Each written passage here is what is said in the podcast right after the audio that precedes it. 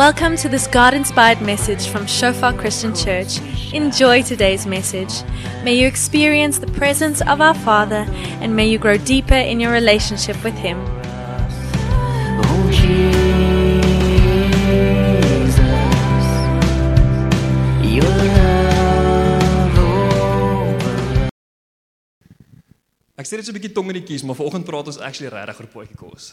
En oor oor hoe dit lyk en hoe dit baie keer is in ons lewens.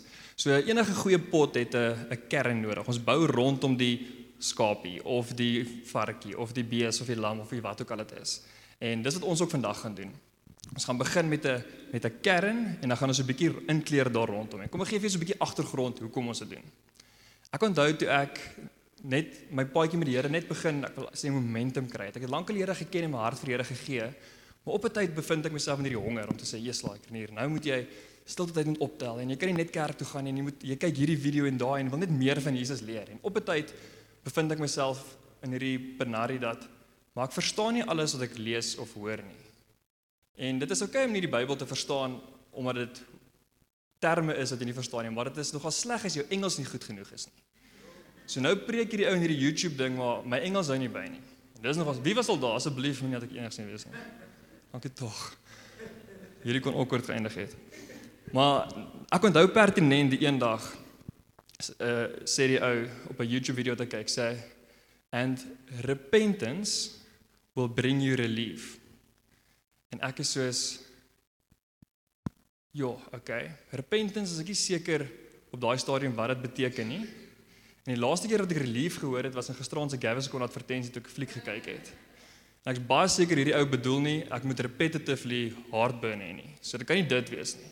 En ek besef net ewe skielik is daar soveel terme in die Christen wêreld wat ek nie ken nie dat ek sukkel om by te bly. En intussen leer ek daar's 'n daar's 'n term daarvoor ook. Hulle noem dit Christianese. So Christianese is wanneer al hierdie groot woorde val en jy probeer graag die boodskap kry, maar jy weet net nie lekker mee hoe om by te bly nie. En op daai stadium begin ek terugdink en ek dink, "Jesus, maar Christianese het al 'n redelike tol gevat op my lewe." Goed wat ons hoor, mooi goed wat mense sê, maar eintlik is dit maar net woorde wat ons nie lekker verstaan nie. So een van dit vir my was van kleins af, daar's 'n liedjie wat sê Filippense 4 vers 4 sê, dan verbly hulle in die Here. Mooi liedjie. Dink almal het dit al gehoor. Maar ek onthou, ek was seker 4 jaar oud op daai stadium want ek gedink het wat, hoe verbly ek myself in die Here? Dis mooi en dit is eg en dit is waar, maar hoe lyk dit? Hoe, prakties, hoe verbly ek my in die Here? Dis 'n cool liedjie, maar dis ook 'n bietjie Christianese vir 'n 4-jarige, wel, vir 'n 34-jarige ook. Hoe presies lyk dit? En so 2 en 'n half jaar terug onthou ek gaan ry ons fiets saam met 'n klomp vriende of 'n vriend wat saam fiets gery het kom terug. En een van die ander ouens in die groep sê, "Ja, yes, hy het hierdie swaar kry en hierdie goed waarmee hy sukkel en hy weet nie wat om daarmee te doen nie en, en hy's regtig hartseer." En daar's 'n dominee in die groep en hy sê vir hom, "Broer, kom lê net jou bekommernisse by die kruis neer." En die ou kyk hom so hy sê en die een ou sê, "Ja." En die ander ou sê, "Wat het ek beteken dit?" En op daai stadium besef ek, die dominee se woorde is reg, dis waar. En vir iemand wat die konteks daar agter verstaan, is dit die oplossing tot alles. Maar vir daai ou wat nie daai Christianese op daai stadium het nie, voel dit sê net my wat te doen. Soos ek ek verstaan nie regtig nie. Min het ek geweet op daai stadium dat altoe hierdie stukkies raad verbly jou in die Here, sowel as lê jou bekommernisse by die kruis neer. Kom in dieselfde teksvers uit, Filippense 4. En vandag gaan ons 'n bietjie rondom daai twee prinsipe gesels en 'n potjie kos bou rondom hulle. En sê, kom ons chat oor Filippense 4 vers 4. Wat beteken dit? En dan gooi ons 'n paar goed by. Dan cross reference ons bietjie uit 'n uit 'n paar ander versies uit. So Filippense 4 vers 4 gaan die gaan die middel wees. Gaan sien, dis die, dis ons skapie. Dit is waar rondom die pot gebou word. Maar ons weet ook dat geen pot is lekker as daar net 'n stukkie vleis in lê nie. Jy het 'n paar spices en 'n bietjie veg en 'n bietjie sousies en en sulke goed nodig. So ons gaan bietjie kruis verwys na ander gedeeltes toe. So ons gaan bietjie na rit toe gaan om bietjie spice te gee aan hierdie stuk in Filippense 4 vers 4. En dan gaan ons 'n rukkie in Handelinge kyk. Wat in hand, wat van Handelinge afkom om dit verder bietjie vir ons spice te gee. Dan gaan ons die Here vertrou om op die ou en as ons nou al hierdie bymekaar gegooi het. Op die einde van die dag vir ons die bord voor te sit hy vir ons berei vir voorberei vir vandag. Vir ons om dit te kan verstaan en en daai maaltyd te kan te kan beleef. Cool. So daarom gaan ons na drie verskillende tekste kyk. So ek gaan vinnig ons moet by die eerste een uitkom dadelik dat ons lekker kan saam lees en, en by die volgendes kan uitkom. So Filippense 4 sê, dis net vers 4 nie. So dis Paulus wat praat met die met die kerk in in Filippe Filippyne. Hy sê: "Ai broers en susters, ek verlang so na julle, want ek het julle lief. Julle maak my bly en laat my soos 'n koning voel. Daarom my goeie vriende, is dit vir my so belangrik dat julle getrou op die pad sal bly wat die Here vir ons gewys het. Judea en Sintige, ek vra julle baie mooi, los julle ge geskille op. Julle behoort mos albei aan die Here. En ek vra by name vir jou, getroue vriend, wat so lekker met my saamwerk om hierdie twee vroue te kom help. Hulle het baie saam met my gedoen en verduur om vir mense van die goeie boodskap te vertel. Hulle kan in een asem genoem word met Clemens en van die ander wat saam met my gewerk het. Hulle name staan opgeteken in die boek waarin almal se name opgeskryf is wat vir ewig saam met God sal lewe. Julle hart behoort oor te loop van blydskap omdat julle aan die Here behoort. En dis daai vers waarvan ons gepraat het. Verbly jou in die Here is die is die vorige vertaling. Jou hart behoort oor te loop van blydskap. En nog steeds vind ek myself partykeer in tye wat ek nie blydskap het nie. So hoe kan dit wees? Hoe kan ek my hart vir God gegee het? Maar Paulus sê, omdat ons ons hart vir God gegee het, moet ons oorloop van blydskap. Moenie vergeet om almal mooi te behandel nie. Die Here kom ons binnekort terug. Moenie oor die dinge sit en top of jou bekommer nie. Gaan praat met God daaroor. Bespreek dit met hom. Vertel hom hoe jy daaroor voel. Sê dan vir hom dankie dat jy met hom daaroor kan praat en dat hy die beste weet. Jy sal dan verlig en tevrede voel. Jy sal hierdie verligte gevoel nie altyd kan verklaar of wetenskaplik kan uitlei nie. Omdat jy egter weet dat jy aan Jesus behoort, sal jy nie meer omgekrap voel nie.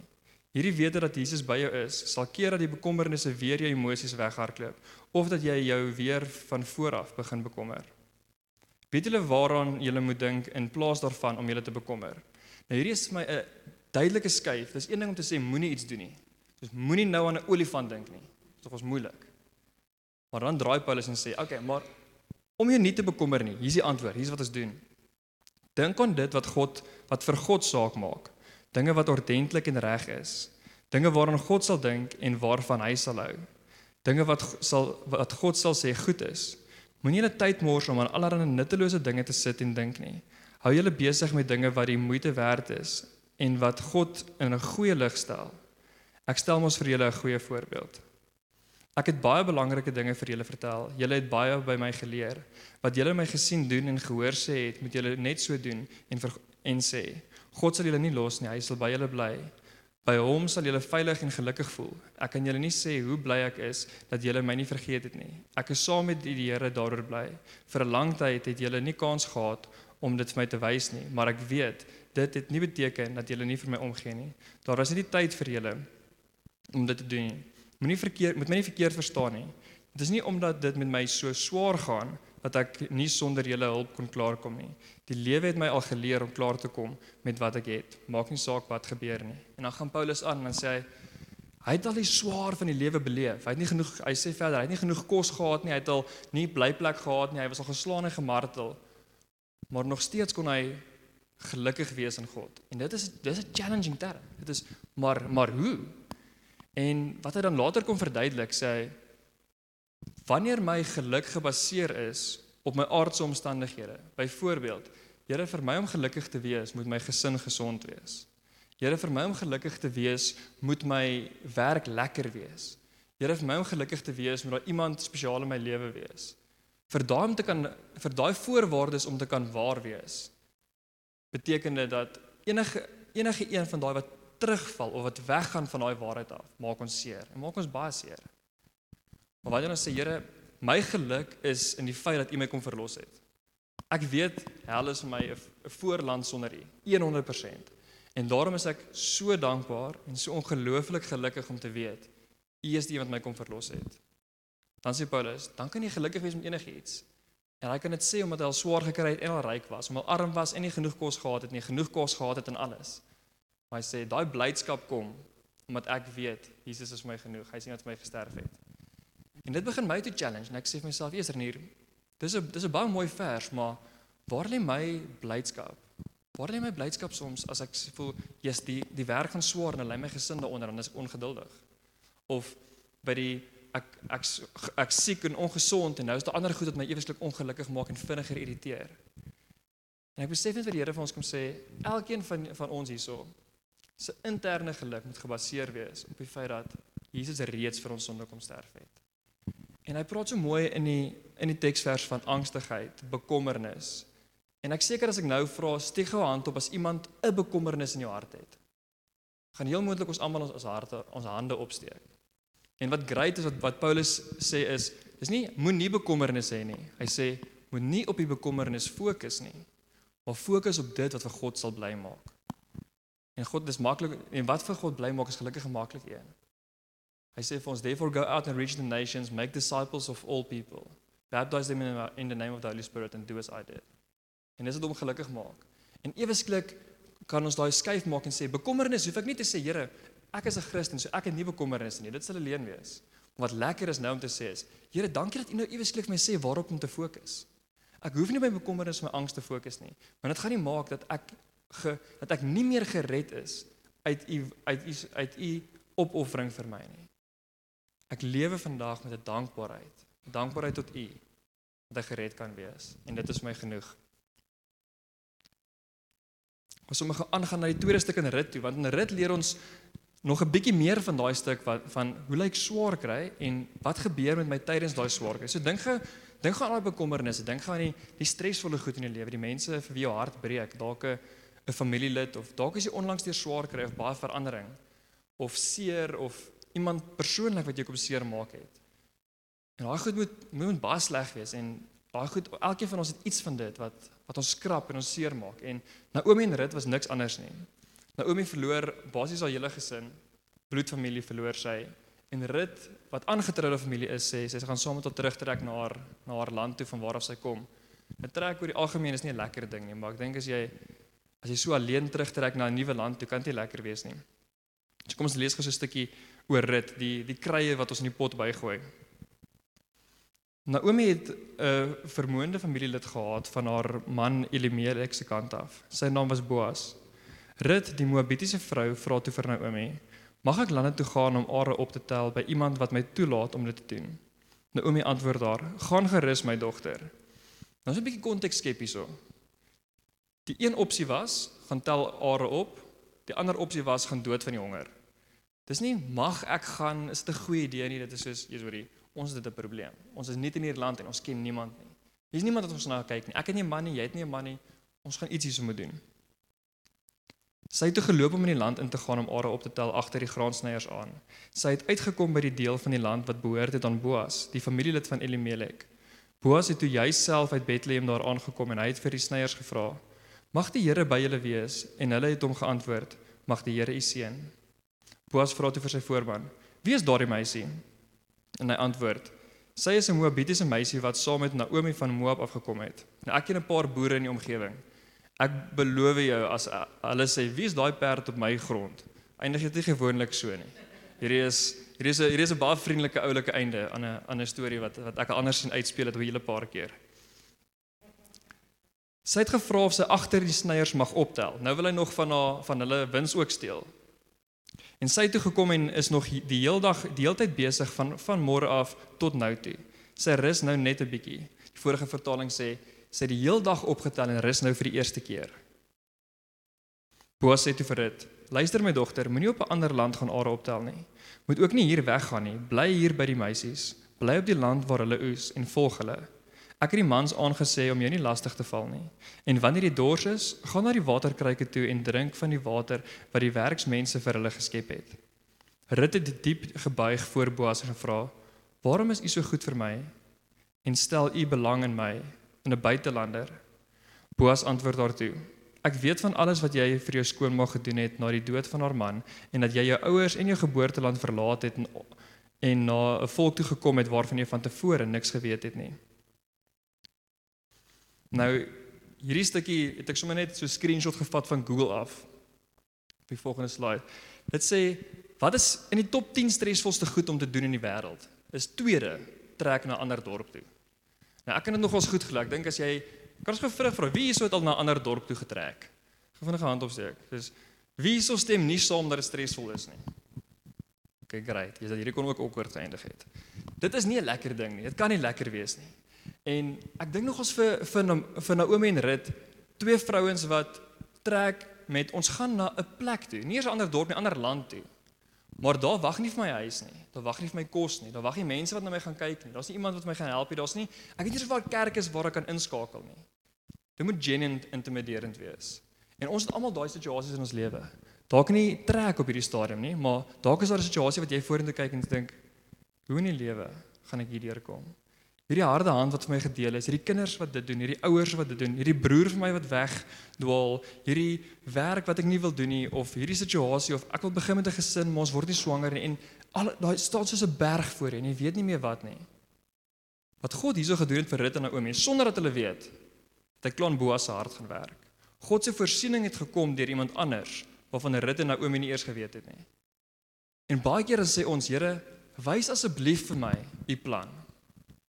En hierso as nou as dit Naomi en Rut se gebed was, sal dit dalk baie teleurgesteld gewees want hulle het nie God se plan geweet nie, maar God het met reeds met Boas gaan praat. Vir Boas gesê, ek wil hê jy moet hulle goedgesind wees. As jy verder lees en sê Boas vir sy werkers, laat asprus graan val sodat sy dit agter julle kan optel. Aan die einde van die dag tel sy 20 kg se graan op en gaan sorg vir haar skoonma. Ons sien nie altyd God se voorsiening nie. Ons sien nie altyd met wie hy praat agter ons rug nie of agter sonder dat ons dit sien nie. Maar God se belofte wat hy vir ons wys hier so in rit is ons hoef nie te sien met wie hy werk om te weet wie na ons gaan kyk nie. En dit is dit is dis waar ons geloof kan begin sterk staan. Ek kan begin bou en sê Here, ek sien nie die uitweg nie. Maar ek glo daar is bosse hier rondom ons wat gaan help. Ek het so ruk terug, so 'n paar maande terug, toe sê ek besig om voor te berei vir 'n ding wat ek gaan hardloop in die Drakensberg en en eendag as ek mismoedig en seer en en net nie meer lus nie. En hier bel 'n ou my. Ek wil nie eers sê 'n vriend nie, want dit is eintlik maar net 'n kennis. En hy sê vir my, "Eester nie, hy's sommer net so op sy hart om my te bel vandag en en hy voel net die Here sê vir my ek moet deurdruk." Ek is soos Jesus like. Here, ek het ver oggend gebid en sê Here, help my net en dra my net asseblief. En hier bel hierdie amper vreemdeling my en sê vir hom deur te druk en dit was ook 'n boas in my lewe. En ons boas in ons almal se lewens. Want ons dalk nie altyd weet, eers Here, waar gaan die hulp vandaan kom? Hoekom lyk dit so dor? Ek is in 'n nuwe land sonder enigiets. Maar as as u sê dat lê jou kruis, ag lê jou bekommernisse voor die kruis neer. Soos wat een dominee na fietsry een oggend gesê het, dan is dit presies hierdie. Here, ek kom na u toe met al my bekommernisse en ek sê ek vertrou dat u in my lewe werk al sien ek dit nie. Ek vertrou dat daar ander mense is wie u inspireer om my ook te help al sien ek dit nie. En dit is omdat ek daai bekommernis aan u kan oorgee, word my hart lig en kan ek aangaan. Okay, so ons het nou al ons ons skapie en ons nou al ons krye in, maar ons hierdie pot is nog nêrens nie. Ons kort nog 'n bietjie veg. Meeste mense gaan nou sê nee. Maar dis dis ongelukkig, dis ongelukkige deel van vanoggend. Kom ons kom ons loer gou vinnig deur Handelinge. Nou hierdie stuk in Handelinge 16 begin amazing. 'n Vrou word bevry. Enige stuk wat so begin is great. Ek het sommer onderstreep. Ek gedink dit is 'n cool vers. Hierdie kan net goed wees God se naam gaan verheerlik word. Ek is oortuig daarvan. Ek was verkeerd. Kom ons kyk. Toe ons op 'n dag weer op pad was na die plek waar ons gebid het, het ons 'n slavin raakgeloop. Sy het 'n bose gees in haar gehad wat haar in staat gestel het om ander se toekoms te voorspel. Haar eienaars het baie geld uit haar gemaak. Toe sy vir Paulus sien, het sy agter hom begin aanloop. Sy het heeltyd uitgeroep: "Hierdie mense dien die Allerhoogste God." Dit het 'n paar dae so aangehou totdat Paulus hom vererg het. Op 'n dag het hy omgedraai en die gees wat in haar was, kwaai aangespreek. "Ek beveel jou in die naam van Jesus Christus, gaan uit hierdie meisie uit." En in 'n oogwink het dit gebeur. En as hier waar ons almal sê loof Here. Great. 'n Meisie is bevry wat deur 'n bose gees ehm um, beheer was vir jare en jare. Maar dis great vir almal behalwe vir die mense wat geld gemaak het uit daai. Ja, hier raak dan raak dit 'n 'n onaangename kwessie. So wat is die volgende opskrif? Paulus en Silas kry kry sla. Dit pas net nie lekker na mekaar nie, maar ongelukkig is dit die waarheid en dit is baie keer dat ons in ons lewe ook doen. Ek gaan nou vir ons daai parallel trek. Vers 19 sê die eienaars van die slavin toe die eienaars van die slavin dit agterkom dat sy nie meer in staat was om ander se fortuin te vertel nie en dat al hulle wins daarmee heen was, was hulle woedend. Hulle het op Paulus en Silas afgestorm, hulle gegryp en hulle na die markplein toe gesleep tot voor die hoofamptenare van die stad. Die het Paulus en Silas gearresteer na hooflandros toe en na hooflandros toe gebring. Die klag teen hulle was kort en kragtig. Hierdie Jode versteur die rus in ons stad. Hulle leringe is in stryd met die Romeinse wet en tradisie. ons wetend wat regtig gebeur het en wat daai klag hoor, dink ek moet almal almal hier kan saamstem en sê rubbish. Dis wow, dit kan tog nie wees nie. Van ons bevry 'n meisie wat deur 'n demoon beheer word na hierdie mense versteur die vrede in ons stad. Soos ek ek wil graag hoor hoe ons daai parallel trek. Dit is net nie dit is net nie dieselfde ding nie. Maar die waarheid is gebeur in ons lewe ook. Partykeer uit die goedheid van ons hart. Die Here spreek in ons in en ons besluit om iets te doen. Ek gaan ophou met daai wat ek vir so lank verkeerd gedoen het. En ek gaan die regte paadjie begin loop en eweslik voel dit ons weer hele lewe uitmekaar het val en die duiwel is soos nee nee nee. Ek kan nie toelaat dat hierdie ou die regte besluit maak nie. Hy was my so nutte, hy was vir God so nutteloos gewees tot nou. Of hy was vir my so bereikbaar gewees tot nou. Ek kan nie toelaat dat hierdie ou hierdie besluit maak, wegtreë van daai af of intree in hierdie in. Inslot by 'n small groep waar hy al soveel keer genooi is. Nee, nee nee, dit voel vir my voel vir my elke keer as ek die regte ding doen, dan kry ek seer. Ek dink Paulus en Paulus en Silas verstaan daar op 'n nuwe vlak van yes like. Al wat hulle wou doen is God se wil. Nou word hulle vir iets aangekla wat as daar nog 'n goeie aantuiging was en dit was net 'n slegte uitspraak, dan kon ons gesê ja, die ou het afdag gehad. Maar yes like. Hierdie aantuiging is sleg en dit is glad nie die waarheid nie. En dit sal gebeur en dit gebeur met ons almal. Kom ons lees gou verder. Ekskuus nee, voor ons verder lees. Besef ook gou wat hierso gesê word. Die vrede in ons stad word versteur. Maar eintlik is dit die geld uit my sak uit word gehaal. En eweslik kom die afgod Mammon in. En eweslik raak dit 'n geval van Jesus like vir my om nou in God se wil te lewe. Raak my sak seer. Dis nie lekker nie. Tiendes gee nee, Jesus likes. Hierdie kerk is great, maar kerk is kerk, geld is geld. Moenie dit twee meng nie. Dis eweslik wat begin gebeur hierso. Want as jy gaan kyk as jy gaan kyk na met wie Paulus gepraat hierso, is dit die sogenaamde volgelinge van God. Dis nie dis is sataniste hierdie nie. Dis mense wat dink hulle is op die paadjie saam met God. Maar nou eweslik raak my sak seer. En nou raak dit 'n kwessie, nou raak dit 'n ander kwessie om aan te spreek. Die skare was teen daardie tyd ook al baie omgekrap oor wat Paulus en Silas verkondig het. Die hooflandroste sê toe vir die polisiemanne dat Paulus en Silas se klere daar op die plek van hulle afgeskeer moes word en dat hulle elkeen 'n behoorlike drag slaag moes kry. Nadat Paulus en Silas pimpel en pers geslaan is, is hulle in die tronk gegooi. Net so met so 'n bietjie agtergrond, dis vir my interessantheid, maar is nie noodwendig die belangrikste ding ooit nie. Paulus en Silas is gefonnis tot 39 slae met 'n sweep. Die rede hoekom dit 39 is, is die landdros mag nie doodstraf gee nie en 40 slae word gedefinieer as doodstraf. Dis hulle okay, ons mag hierdie ouens doodmaak nie. Maar kom ons kom so naby as moontlik en hoop hulle gaan in 'n geval dood. So hulle is gefonnis tot 39 slae wat eintlik maar is, kom ons slaan hierdie ouens hard genoeg dat hulle doodgaan. Ons was ons hande in onskuld. Maar dit was net 39. Die tronkbewaarder het opdrag gekry om hulle behoorlik op te pas. Hy het hulle in die sel reg in die middel van die tronk opgesluit. Boonop het hy swaar boeye om hulle voete vasgemaak. Teen middernag het Paulus en Silas tot God begin bid. En hierso begin iets, hierso begin 'n paar mense nou na verwys word wat nogals krities is. Hulle het ook lofliedere tot sy eer gesing. Die ander gevangenes was verstom hieroor. Doodstil het hulle almal gesit en luister. Toe uit die bloute het 'n groot aardbewing die tronk geruk. Dit was so erg dat die seldeure oopgegaan het en al die boeye van die gevangenes afgeval het. Die hoof van die tronk het ook wakker geword van die aardskudding en toe hy sien dat al die seldeure oop staan het hy gedink dat al die gevangenes ontsnap het. Met ander woorde, die een ding wat hy moes doen, kon hy nie doen nie. You had one job. Hou daai ouens. Dadelik het hy sy swaard uitgepluk om homself dood te maak. Beter om jou eie swaard dalk dood te gaan as met 40 slaap. Maar Paulus het gesien en 'n hart vir hom geskree: "Stop. Moenie dit doen nie. Ons almal is nog hier in die tronk." Dadelik het die hoof van die tronk 'n fakkel by een van die wagte gevat en binne toe gehardloop. Toe hy by Paulus en Silas kom, het hy bang voor hulle neergeval. Toe het hulle toe het hy hulle buitentoe gevat. "Meneer, sê asseblief vir my wat ek moet doen om in die regte verhouding met God te kom," het hy gepleit. Daai is vir my die absoluutste absolute next level bekering wat 'n mens ooit sal beleef. En hier is die agtergrond hoekom. Die ou wat vertrou word om die slegste van slegte misdadigers te beskerm, is ook reg langs die sy van die landdros wat hulle mag vonnis, want daai landdros moet hierdie ou vertrou. Hy moet hom vertrou met alles in hom dat as ek sê daai ou mag nie uitkom nie, dan sal hy nie uitkom nie. Met ander woorde, hierdie ou is niks beter as die ou wat nou net gevonnis het. As die ou wat nou net hierdie ouens met alles in hom afgeskryf het nie en amper doodgemaak het nie. En ewe skielik is al wat gesê word wys my jou God. Want duidelik, duidelik weet ek nie tot dusver nie. En dis my 'n ongelooflike getuienis van wat ons net nou Filippense 4 vers 4 gelees het. Ons gesê het verbly jou in die Here. Oh my word. Hierdie ouens het nog al seker die slegste situasie ooit gehad.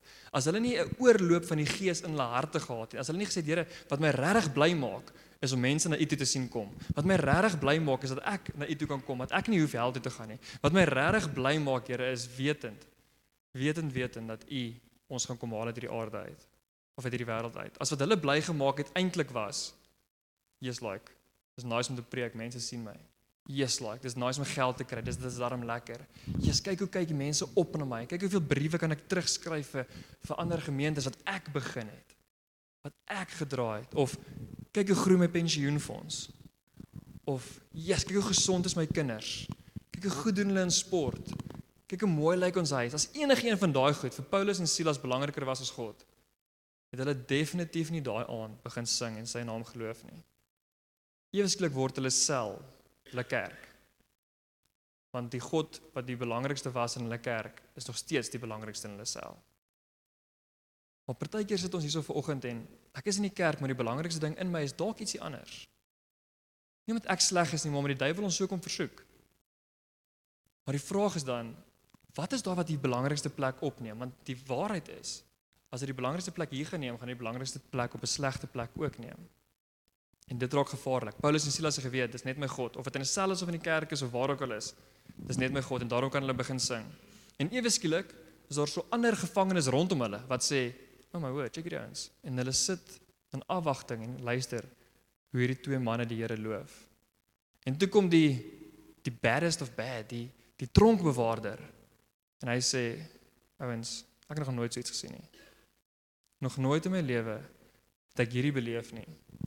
Ek gaan heel moontlik, ek was net op pad om myself dood te maak omdat jy weggehardloop het, maar ek besef daar's ons 'n nog 'n beter uitweg en dit is jou God. Wys my jou God, vertel my jou God. En kom ons lees 'n bietjie verder. Eindig gelukkig hier daar nie. Meneer meneer sê asseblief vir my wat ek moet doen om in die regte verhouding met God te kom, het hy gepleit. En hulle antwoord was: Glo in die Here Jesus. Dan sal God jou red en as sy kind aanvaar. Hierdie goeie nuus geld vir jou en jou hele gesin. Punt. So maklik. En as ons onthou wat ons net nog gesê het wat wat Jesus ons roep wat hy sê therefore go out reach the nations make disciples of all people and baptize them in the name of the Holy Spirit. Dit is dis wat dis wat hy ons beveel. Einde van Matteus. Dis wat hy ons beveel. Dan ewe skielik moet as as ons regtig ons genot daarin vind, ewe skielik moet Paulus nou voel Ja, soos dit is wat gebeur het. Dis presies wat vanaand gebeur het. Ek was in 'n tronksel gewees, slegte situasie, niks kan my hier uitred nie, maar ek het God geloof want ek weet dis al wat hy van my verwag. En ewe skielik in 'n tronksel kom iemand tot bekering. En naai tot bekering gekom het. Die hoof van die tronk het toe vir Paulus en Silas na sy huis toe gevat. Dit is 'n dodgy move. As jy nou net die ouens wat uit die tronk uit ontsnap het, As jy die ouens wat verantwoordelik is vir wat ontsnap het, is jy klaar in die moeilikheid. As jy nou sê, "Jesus, maar ouens, kom sommer na my huis toe." Dan is jy in vet moeilikheid. Hy stop ek daar nie, hy like moeilikheid. Hy sê, "Almal in die huis moes hoor wat hierdie twee mans oor die Here te sê gehad het." Later het die tronkbewaarder agtergekom dat Paulus en Silas se wonde nog nie skoon gemaak is nie. Hy het hulle gou-gou buitentoe gevat om dit te doen. En daarna is hy en sy hele gesin ook gedoop. Daai Dit voel vir my ons kon al 10 verse terug geëindig het en dan was dit 'n wonderwerk. Maar dit is so wow. Here, U het iets amazing kom doen. Maar dit raak net beter en beter want ewe skielik het hierdie ou se hart gegaan van teen Paulus en Silas na God en niks anders nie. God stop dit daar en hy sê ek gaan klaar met jou hart begin werk. Daar's compassion in jou hart vir hierdie mense wat my werk doen. Hy begin hulle wonde skoonmaak. Maar daar's ook compassion in jou hart vir ander mense wat my nie ken nie. En hy sê kom na my huis asseblief, kom asseblief kom preek vir my huis. Hulle hulle moet ook hierdie goeie nuus hoor. Hulle moet ook gered wees. En dan stap hy na die volgende na die in die volgende streek in God se wil. En daarna sê hy, "Jesus, maar ek ek wil graag gedoop wees ook. Dus ek wil ek wil die Heilige Gees uitgestort hê oor my. Hierdie waarvan jy praat asseblief." En daar word hy gedoop. En ewe skielik raak die voorbeeld in hierdie storie die ou wat aanvanklik gesê het, "Ek gaan nou my lewe neem." Want ek het volgens aardse standaarde droog gemaak. En Paulus en Silas wat kon sê, soos Filippense 4 vir ons sê, ek verheug myself in die feit dat ek weet God is my redding, nie in my aardse situasie nie. Daai het uitgevloei tot 'n redding van 'n baie belangrike amptenaar wat se lewe toe drasties verander. En wat toe vir my en vir jou 'n voorbeeld word. Hy het gegaan in 'n kwessie van 'n paar dae van iemand wat ons sou gesê het, daai is een van die bad mense. Tipies ou wat jy vir jou kinders sal gesê het, carry met daai maatjie nie, nê. En die volgende oomblik is hy die ou wat jy sê, "Wow, het julle gesien? Die ou wat dit gedoen het, is nou die ou wat die wat die ehm um, gevangenes se wonde gaan skoonmaak. Wat gedoop is, wat sy lewe gedraai het." Die lekker ding vir my om dit te hoor is wetend. Maak nie saak hoe ver ek van God af wegdwaal nie. Maak nie saak hoeveel keer ek al gedink het, Jesus Here, vrek, ek vind my geluk op hierdie oomblik en ander goed. Man is lekker goed, maar toe dit wegval nou sak dit 'n bietjie. Maak nie saak hoe ver ons al weg was nie. Die tronkbewaarder hierso wys vir ons dat die enigste ding wat ons hoef te doen is na God toe tree en sê Here, ek's jammer, ek neem nie aan punt. Klaar. En die volgende stap van ge, ge, um, gehoorsaamheid en die volgende stap van gehoorsaamheid kom outomaties. Ek gevinnig net om net om Paulus en Silas se situasie lekker in te kleer sonder om nog twee hoofstukke te lees. Ek gaan vinnig vir ons hierdie opsomming van 5 punte gee. Waardeur waardeur moes hierdie twee ouens gegaan het? Eers is hulle onskuldig gearresteer. Nou dis genoeg, ek beloof jou. Of vir my ten minste. As ek onskuldig van iets aangekla is, is ek negatief. Maak nie saak of daar nagevolge is of nie. Maar moenie sê ek het iets gedoen as ek dit nie gedoen het nie. Of moenie my moenie sê ek het iets nie gedoen nie as ek dit gedoen het nie. En ek dink ons ons almal sal sê dit gaan teen alles in my wese as jy onregverdig is teenoor my. Vir hulle was dit net die begin. Toe hulle soos, okay, nou is hierdie ouens gou in die tronk gooi. Ons gaan nie 'n verhoor vir hulle nie, net nou kom hulle vry. Kom ons los die verhoor heeltemal. Ons skiep gou dit. Nou as ek sê jy's onregverdigheid nommer 2. Moenie worry ek dien regverdige God. Hy gaan vir hulle erns kom raak kry, ek seker daarvan. Dis dit soos, okay, wie nou raak gery word gaan julle twee wees. Kom ons haal gou die stokke uit. 39 houe vir elkeen in die hoop dat julle doodgaan. Maar as julle nie doen nie, as ons vir die tronkbewaarder, onthou jy daai donker sel sonder ligte in die middel van die grot, die tronk die tronkgrot. Gaan sit hulle daarso. Hulle kan niks sien nie. Hulle hulle voete is vasgemaak, hulle is geboei, maar daar kan niemand uitkom nie. Hulle is met hulle onversorgde wonde en sonder kos toe daartoe gesluit. Basies, ouens, ons gee hulle die beste moontlike kans om dood te gaan. OK? Jy hoef nie hard te probeer nie. Doodgaan sal vir jou redelik maklik wees. En so besluit hulle, ja, met alles teen my, so sleg as wat dit is, wat gaan ek doen? En daai besluit kon nie 'n menslike besluit gewees nie. Dit kon nie 'n besluit wees wat enige een van ons sê uit my eie goeie hart gaan ek vandag die Here loof nie. Dit kom uit 'n plek uit waar hulle reeds geweet het voor hulle daar was dat God is my verlosser ter ere verheerliking van hom lewe ek my lewe. Hy het vir my gesterf. Ek het nou dag baie lekker gesprek gehad met iemand en die gesprek kom daar neer op dat jy's altyd of in 'n storm of op pad uit 'n storm uit of op pad in 'n storm in. Jy's op een van daai drie plekke in jou hele lewe. Nou die mense wat se oë nou so groot geword het, as die ouens gesê het ek is nie in 'n storm nie, ek's ook op pad uit een uit nie. Want die derde opsie is dan jy's heel moontlik op pad in een in.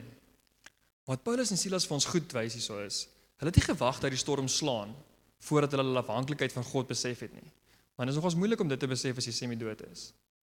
Hulle het gesê, Here, ons verkondig U wil ter ere en verheerliking van U naam. Lewe ons dat U vir my gesterf het, is my goed genoeg. Wat mense vir my dink, gee ek glad nie om nie. O, nou is dit tydelik in 'n sel. Dis ook oukei, okay, want ek het daai keer reeds uitgesorteer. Die vraag is, is hoe kon hulle dit doen?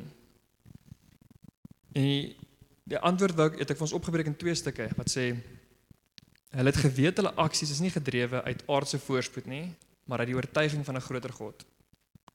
Daar het ons net gesê het van dit gaan nie vir hulle oor of hulle in 'n kerk is of hulle in 'n sel is nie. Hulle loop oor van Jesus. En ek het al baie mense dit gehoor sê. Ek, ons almal het al so iemand ontmoet wat net sê, "Wow, hierdie ou, daar's iets anders in hom." Hy is 'n solid ou.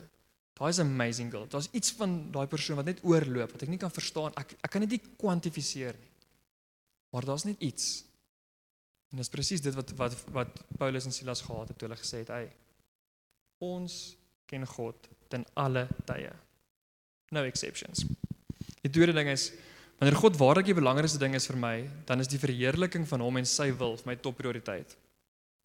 Dit is nogals 'n 'n ding wat ons baie mee ge-challenge word in die samelewing. Prioriteite. Waar lê jou prioriteitslys? Is jy iemand wat vroeg opstaan om te oefen of is jy iemand wat laat kom by die werk of waar lê jou familie versus jou loopbaan en prioriteite, prioriteite, prioriteite. En dit is nogals 'n moeilike ding. Dit is moeilik om te juggle. Maar die een ding wat Paulus en Silas geweet het, is bo my prioriteitslys lê God se naam verheerlik. Punt. Dis ironies dat hulle nie gevra het die eerste gebed, Here help ons om hier uit te kom nie. Want dan was hulle prioriteitslys ek gewees, ons gewees, geluk gewees, gesondheid dalk, my familie glad nie. Hulle prioriteitslys is loof God eerste. En daarom in 'n sel kon hulle sê, "Oké. Okay, hierdie is nogals nie lekker nie, maar my interne prioriteitslys is Jesus word verheerlik." En hulle begin sing. Daai is nogals my amazing conviction. En in die week verander dit nogals my hart oor hoe ek bid. Ek kan nogals vra, ek's 'n goeie vraer. Ek sê, "Oké okay, Here, stilte tyd tyd nou. Ek hoop jy het jou notaboekie uit want hier kom dit." En dan vra ek al my vrae. Maar God sê hierso prioriteitslys vir Paulus en Silas was nie al die vrae nie. Dit was eers gewees, Here, ek loof U omdat U goed is. Ek loof U omdat ek nie wel toe te gaan nie, self toe eerder as hel toe. Dankie Here dat U my gered het. Dankie dat U my broer gered het. Dankie Here dat U my pa red vir wie ek al so lank gebid het. Ek loof U vir al daai goeders. Daarna kom die gebede van O Here en en ek hieronder. Sal U my asseblief wys om U wil uit te leef. Sal U my asseblief wys om hierdie te doen. Dankie hiervoor. Help asseblief daai persoon. En ewe skielik raak die conviction van ons prioriteitslys baie baie duidelik. Paulus en Silas wys vir ons. Eerste ding op ons prioriteitslys: loof God ten alle tye. Okay, so 8 ure later sit ons met hierdie ouetjie. Met hierdie ouetjie. Dalk werk hierdie skerm. Hierdie ouetjie, as daai skerm werk beter. So ons nou ons hele pot bymekaar gegooi en nou het ons alles bymekaar en nou nou weet ons wat wat hierdie pot uit bestaan. En ons het eintlik net begin by by ehm um, Filippense 4 en daai daai twee daai twee terme wat so half Christianese was in die begin, die verbly jou in die Here en die lê jou bekommernisse by die kruis neer. Altyd Filippense 4 het kom. Maar as ons nou bietjie meer kom structure rondom handeling en rondom rondom rit, dan kan ons sê dit lyk bietjie meer so. Lê jou bekommernisse by die kruis neer. As ons kyk wat Rit en Naomi gedoen het, is hulle het gesê, "Just like, Here, dis u oortuiging vir ons om hiernatoe te kom en ons bid." En ons vra, stresvolle ding, trek na 'n nuwe land toe, ken niemand nie. Hier's op op aardse standaard is daar niemand wat vir ons gaan voorsien nie. Maar hulle vertroue was, Here, ek weet u sal my voorsien, al weet ek nog nie hoe nie. Dit herinner my baie aan die weduwee wat twee muntstukke ingegooi het. Wat gesê het, Here, hier's my laaste twee muntstukke. Nou ons baie gesprekke en ek was al deel van sulke gesprekke wat sê jy moet altyd daai behalwe as jy nie genoeg het nie. Soos gee jou tiende behalwe as dit jou laaste geldjies is. Dis God sal verstaan, jy moet eet. Maar die realiteit is God nie ons geld nodig nie. Hy worry nie of ons daai wen. Dis irrelevant vir hom. Maar kan ek sê, Here, hier is alles wat ek het insluitend my vertroue dat U sal voorsien. My vertroue vir U voorsiening is groter as enige aardse voorsiening. Ek vertrou op U. En daar stuur God die boasse van die lewe en sê al wat ek wil hê is jou hart en jou vertroue. Handelinge 11, Hebreërs 11, skie sê faith is the conviction of things hoped for and believing in the things unseen. En dit is waar ons ons bekommernisse vir God kan neerlê en sê, Here, net soos Rut en Naomi, lê ons ons bekommernisse voor U neer en ek vertrou dat U gaan voorsien. Ek verklaar dit en ek vertrou dit en weet in ons weet hy gaan. En eweslik raak die eerste stukkie van Filippense 4, wat al so baie gesing het. Filippense 4 vers 4 sê, verbly jou in die Here. En die volgende stuk wat sê, um, lê jou lê jou bekommernisse by die kruis neer. Eweslik raak dit so bietjie duideliker. En as oor die verbly verbly jou in die Here gedeelte dink en dink ons aan Paulus en Silas wat sê om ons geluk in God te vind beteken nie om God te vra om ons in die, in die wêreld te seën met geluk nie. Dit is om werklik oorgegee te wees aan hom dat sy teenwoordigheid ons geluk ver, geluk verskaf. En die gelukkige ding daarvan of die goeie ding daarvan is God se teenwoordigheid is altyd. Die enigste die enigste ding wat konstant is is God se teenwoordigheid. Iemand sê eendag vir my hy sê Renier Ek hoef nie gelukkig te wees nie. Dinge moet net stabiel wees in my lewe. Frek dit. Ek kan nie hierdie op en af meer hanteer nie. Dan is my vrou gelukkig, dan is sy hartseer. Dan is my kinders gelukkig, dan is hulle hartseer. Dan kry ek 'n verhoging en word ek gefire. Sê frek nee, kan ons net asseblief net bietjie net bietjie standvastigheid kry hierso. Ons eintlik 'n lekker gesprek en ons het lekker gelag oor 'n klomp goed, 'n ligte gesprek. En toe dra daai gesprek in 'n kwessie van 'n paar sekondes baie ernstig, baie vinnig. En hy sê, "Ons het so aangaan wil ek nie meer op hierdie aarde wees nie." Jesus. En ek sê, "O, wanneer het ons die daai deur oopgemaak?" Maar ek besef toe dat dit is waar. Ons as mense sukkel met extreme. 100%, 0%, selfs my kar se remme sukkel daarmee. Dis dis hoekom ons auto auto ag cruise control het. Jy's op pad see toe vir vakansie, jy sit jou cruise control aan en en daar gaan jy. Jy wil nie jaag en stop en nou is die taxi voor jou in en nou hy weer uit en nou kan ek weer ry en nou is 'n tollek. Niemand van ons like dit nie. Ons like dit ook nie in ons lewens nie. En daarom by Paulus en Silas as hulle aards gefokus was, hulle nog as selfver en hulle nog as die uiterstes geken. Maar daarom sê God, ek is die enigste konstante. En as jy jou geluk op my vestig, sal jy geluk konstant wees. En ewe skielik kan ons sê, "Wow Here, ek sien in my lewe die op en af van van geluk. Maar ek besef en ek repent dat daar aardse goed is wat my geluk bepaal. Nie beïnvloed nie, want ons sal altyd bekommernisse en issues wees. Nie beïnvloed nie, maar bepaal. So wat ek vir van van vanoggend wil vra is om 'n gebed by jouself te bid wat twee goed wat hierdie twee goed aanspreek. Die een is, Here help my om my bekommernisse na U toe te bring. En regtig met God daarmee te gesels. En die tweede ene is en dis moeilik en ek erken vir my regtig ook moeilik. Here help my om my geluk waarlik te vind in my verlossing.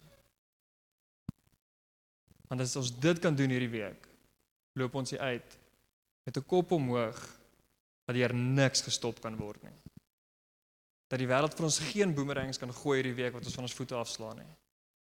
En dat ons niks sal wees wat die Here ons sê, "Esau, ek's jammer, maar ek kan jou nie help daar nie." Maar ons geluk sal konstant wees, want ons konstant in hom. So ek gaan vra dat, dat ons almal gou ons oë toe maak. En vir daai twee goed bid. Here, help my asseblief my bekommernisse na U toe te bring. En as dit dan 'n bekommernis is op jou hart wat jy van weet, dalk 'n familielid, dalk gesondheid, dalk finansies of wat dit ook wat ook al dit is, bring my bekommernis nou na God toe. Net soos wat Ruth en Naomi gedoen het. En vertrou ons God om om ons te voorsien. En die tweede een is, Here, help my my geluk, my verlossing te vind.